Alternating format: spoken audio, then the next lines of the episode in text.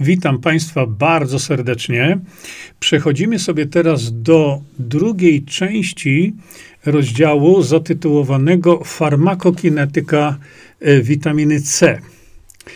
Istnieje możliwość, że popularnie stosowane przez diabetyków paseczki testowe do pomiaru poziomu glukozy we krwi mogą wskazywać nienormalnie wysokie jej poziomy.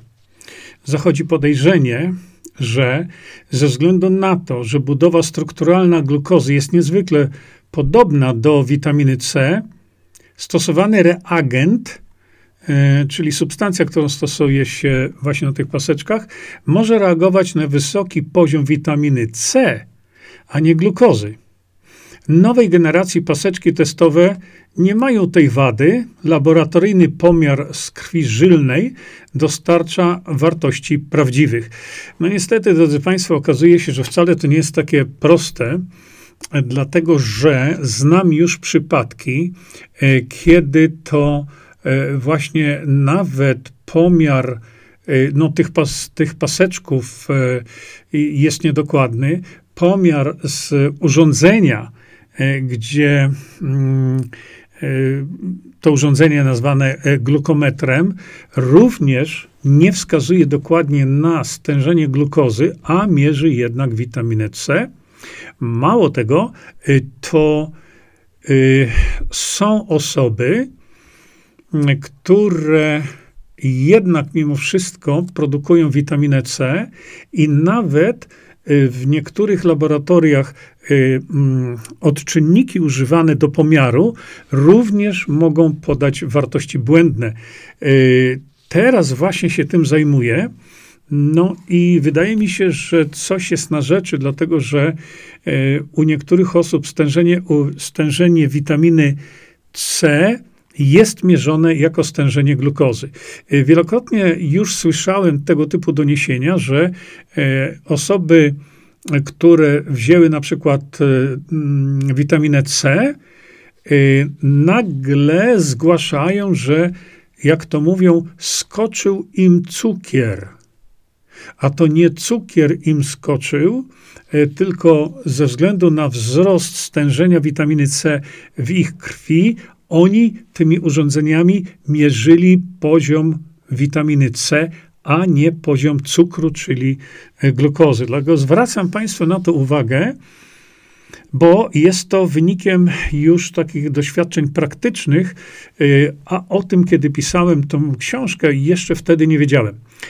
I kontynuuję. Najczęściej stosowane badania wyjściowe przed zastosowaniem terapii witaminą C to pełna morfologia, elektrolity, test na niedobór dehydrogenazy glukozy 6-fosforowej, to jest, drodzy Państwo, e, ta substancja, o której wcześniej wspominałem, że e, może teoretycznie może doprowadzić do hemolizy i roz, składu czerwonych krwinek, no i do śmierci. No niemniej jednak lekarze praktycy, którzy stosują e, wlewy z witaminy C w ogromnych ilościach i z ogromnymi częstotliwościami, zauważają, że tak, mieli pacjentów z niedoborami tego enzymu, ale kiedy witaminę C podawali powoli, ostrożnie, nic się nie działo. Jednakże teoretycznie taka możliwość istnieje i dlatego właśnie napisałem, żeby jednak mimo wszystko stać po stronie bezpiecznej, no i zrobić właśnie, zbadać czy e, dana osoba ma niedobory dehydrogenazy, e, czy też nie. Jest analiza moczu, tutaj wspomniana, waga pacjenta, rodzaj i stan zaawansowania zmian nowotworowych, jeśli takie są, odpowiednie markery, odpowiednia diagnostyka obrazowa. W dużych dawkach witaminy C wiele stosowanych roztworów jest hipertonicznych nie stanowi to większego problemu pod warunkiem, że wlew jest robiony powoli. Jak też y, tutaj dodam e, coś, co wynika z praktyki. Otóż niektórzy lekarze powiedzieli mi, że jeżeli w czasie wlewu e, pacjent odczuwa na przykład taki silny ból, pieczenie w miejscu wlewu, e, to dodanie 5000 jednostek heparyny powoduje, że to zjawisko nie występuje. Bardzo ważna rzecz. Wracam do czytania. Na ogół przy dawkach do 15 gramów askorbienianu sodu korzysta się z roztworu Ringera, czyli po łacinie solucio ringeri lactate. Powyżej 15 gramów, niektórzy twierdzą, że powyżej 30 gramów używa się wody do wstrzyknięć, czyli wody destylowanej, e, takiej przygotowanej do wstrzyknięć. Roztwór powinien być zbuforowany do wartości około 5,5 do 7. Na początku stosuje się 15 gram witaminu C w 250 ml roztworu Ringera podawanego przez około 1 godzinę. Czasami stosowano dwa jednocześnie trwające wlewy. Tutaj jednak, pomimo ogromnej wiedzy praktycznej doktora Klenera i innych, chciałbym Państwu zwrócić uwagę na ostrożność, jaką trzeba wykazać, zanim nabierze się odpowiedniej praktyki. Jako, że książka ta i jej treść w żadnym stopniu nie stanowią podręcznika medycznego, dla tych, którzy chcą zgłębić ten temat, polecam opisy tych procedur i tutaj są e, i tutaj są e, trzy publikacje e, jako odnośniki, żeby osoby, no lekarze, zapoznali się z wiedzą właśnie z tych publikacji. W tych publikacjach najlepsi specjaliści, praktycy z długoletnim doświadczeniem wymieniają swoje uwagi odnośnie zastosowania witaminy C w dużych ilościach. E, pomimo stosowania dawek witaminy C w ilościach znacznie przekraczających 100 gramów, nie wspomina się nigdzie o zaburzeniach równowagi kwasowo-zasadowej. Spowodowane to może być tym, że do wlewów dożylnych stosuje się odpowiednio zbuforowaną witaminę C w postaci askorbinianu sodu, czyli soli sodowej kwasu askorbinowego, a nie czystej witaminy C w postaci kwasu askorbinowego, który naturalnie ma odczyn kwaśny. Żeby zapobiec e, uszczuplaniu rezerw buforowych, buforów zasadowych, już w 1948 roku e, dr Klenner stosował po prostu łyżeczkę od herbaty zwykłej sody oczyszczonej, rozpuszczonej w szklance wody cztery razy dziennie. Dzieciom odpowiednio mniej.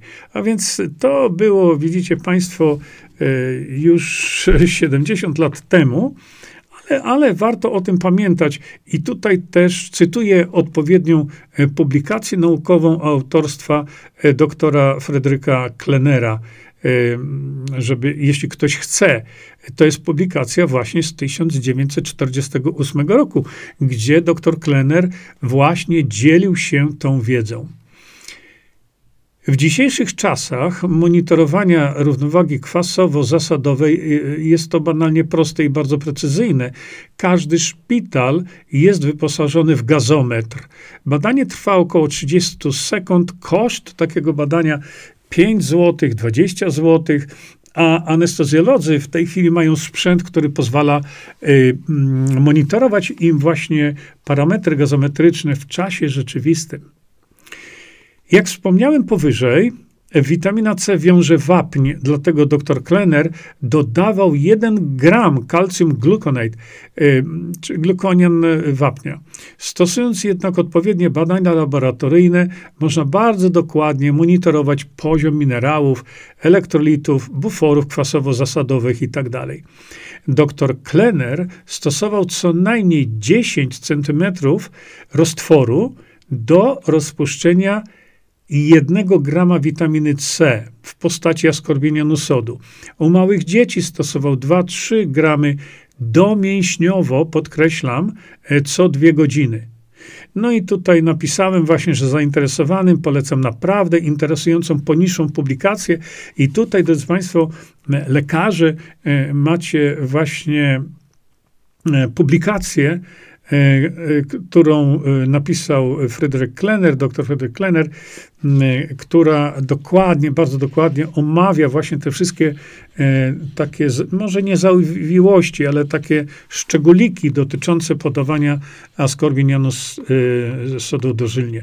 Dr Cathcart z kolei zalecał przygotowanie roztworu wstępnego z 250 gramów askorbinianu sodu o stężeniu 50% w temperaturze pokojowej i o pH 7,4 z niewielką ilością EDTA, jakieś 150 mg na mililitr. Mm, EDTA to jest e, taka e, sól e, dwusodowa kwasu etylo E, etylonodiamino tetrooctowego, e, tak to się nazywa, lub bardziej zrozumiale kwasu wersonowego, bo e, to jest określane jako kwas wersonowy, a więc mamy tu do czynienia z dwusodową solą kwasu wersonowego, a następnie używanie tego roztworu do e, przygotowania wlewów. Świętej pamięci doktor Krasicki, pamiętam jak dzisiaj, e, dodawał około pół grama EDTA mm, do wlewu. Do wlewu z witaminy C w postaci askorbinianu sodu. E, pielęgniarka doktora Cathcarta zauważyła, że jeśli nie wstrząsa się roztworu wstępnego przed schłodzeniem w lodówce, tylko po wyjęciu z lodówki, tuż przed przygotowaniem roztworu do wlewu, roztwór ten ma bardziej jasny kolor, co jest wynikiem mniejszej ilości dehydroaskorbatu. To jest, drodzy Państwo, bardzo ważna rzecz.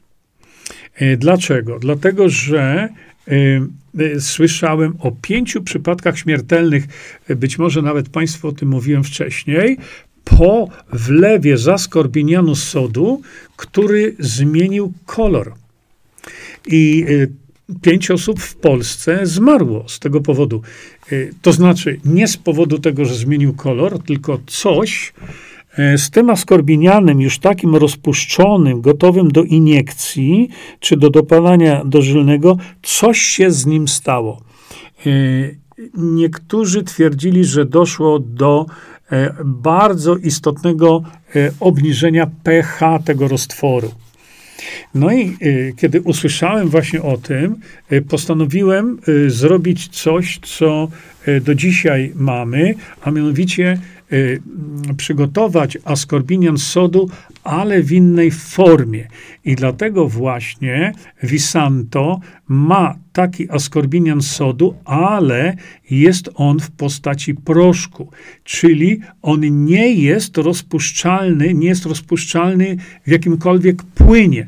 Właśnie po to, żeby nie doprowadzać do tego z czasem, że y, dochodzi do jakiejś reakcji, być może to jest jakaś y, y, hydroliza, nie wiem, co, nikt nie wie, y, która spowodowała właśnie, że, że pięć osób zmarło.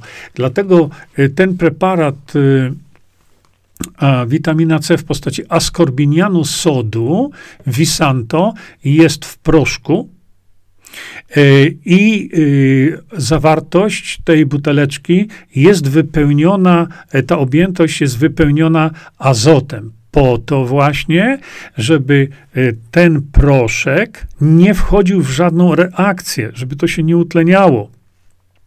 Żeby to nie było pod wpływem wody, bo pod wpływem wody, jak wiadomo, sól ulegnie hydrolizie. E, również e, ze względu na to, że są różne czystości askorbinianu sodu, to ten askorbinian sodu z Visanto jest y, to wersja czystsza niż wersja farmaceutyczna, e, co może kogoś zdziwić, ale rzeczywiście jest tak jest. Ten proszek e, w tym preparacie Visanto jest o czystości wyższej niż czystość farmaceutyczna. Zresztą e, było to poddane mm, badaniom w jednym z amerykańskich laboratoriów, gdzie po prostu zbadano całą mikrobiologię y, po rozpuszczeniu tego proszku e, w jakimś nośniku, takim jak na przykład, no chociażby ten płyn Ringera, czy, czy, czy sól fizjologiczna, czy woda, czysta woda do wstrzyknięć i wyszło perfekcyjnie czysto. Nie ma żadnych, ale to żadnych zanieczyszczeń mikrobiologicznych. I czytam Państwu dalej. Stosując ten sposób, czyli biorąc 60 cm sześciennych roztworu wstępnego, yy, dr Klenner miał 30 gramów, a biorąc 120 miał 60 e, gramów askorbinianu sodu. Dopełniając odpowiednią ilością wody do wstrzyknięć, otrzymywał 500 cm sześciennych, czyli pół litra roztworu gotowego do wlewu dożylnego. Żeby zmniejszyć różnicę ciśnień osmotycznych, można zastosować wodę sterylną do wstrzyknięć. Ja jestem, szanowni państwo, jednak zwolennikiem e, tego, żeby e, do, szczególnie przy dużych ilościach e, stosowanego askorbinianu sodu, żeby jednak stosować, stosować wodę sterylną do wstrzyknięć właśnie po to, żeby w sposób no, najbardziej taki istotny, y, żeby można było zmniejszyć różnicę ciśnień osmotycznych pomiędzy y, płynem wychodzącym y, z końcówki wenflonu, no i ścianą żyły, żeby właśnie nie doprowadzać ewentualnych stanów zapalnych żyły. Ale to są sprawy techniczne, które raczej należy omówić z lekarzami, a w szczególności z anestezjologami. I tutaj jest taka mała uwaga. Mm, zastosowanie niewielkiej ilości EDTA, czyli tego e, dwusodowego, dwusodowej soli kwasu wersenowego, pozwala na wychwycenie błądzących wolnych jonów żelaza i miedzi. E, o co tutaj chodzi? Chodzi o to, że mm, we krwi mamy zawsze odrobinę y, właśnie wolnych jonów miedzi i wolnych jonów e, żelaza. Nie jest to dużo, ale mo, mogą wystąpić. Y, w reakcji z witaminą C dochodzi do wytworzenia dużej ilości wolnych rodników. Właśnie, no niestety, tak to jest. I dlatego wychwycenie tych błądzących, e, tutaj w cudzysłowie, e, wolnych jonów żelaza i miedzi e, ma sens.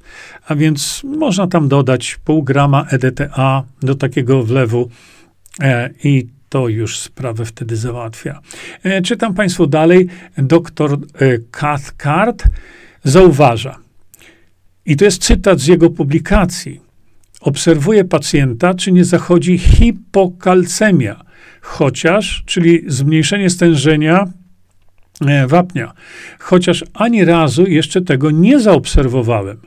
Hipoglikemia, czyli zmniejszenie stężenia glukozy, w nawiasie zachęca pacjentów do spożywania czegoś w czasie trwania wlewu i odwodnienia, zachęcam państw, y, pacjentów do picia wody. I, jeśli zachodzi potrzeba, zmniejszam prędkość podawanego wlewu. W niektórych przypadkach może wystąpić ból głowy po zaprzestaniu wlewu. Znam przypadki, y, y, kiedy w czasie trwania wlewu y, osoba y, miała, y, zaczęła mieć właśnie silny ból głowy, a on pisze tak, że w przypadkach, w niektórych przypadkach może wystąpić ból głowy po zaprzestaniu wlewu. Ja zauważyłem to w czasie trwania wlewu, ale odkąd zacząłem po dokonaniu wlewu podawać duże dawki witaminy C, doustnie te objawy zniknęły. No i tutaj e, macie Państwo również, e, ja to zatytułowałem, że tylko dla lekarzy, e, właśnie cały opis, całą procedurę przygotowania według niego, według doktora Cathcarta, właśnie wlewów z witaminy C. Dla tych, którzy chcą sami posłuchać wykładu doktora Cathcarta, jest tutaj link do jego wykładów Poniższy link zaprowadzi czytelników do następnej bazy danych dotyczących medycyny ortomolekularnej.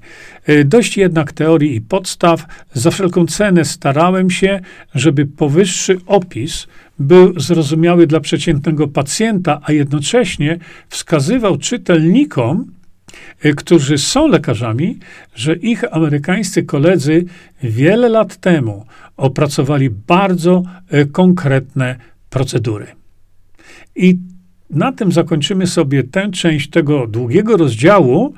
Mm, to będzie druga część i y, za chwilkę będziecie Państwo mieli przeczytaną przeze mnie trzecią część rozdziału dotyczącego właśnie farmakokinetyki witaminy C.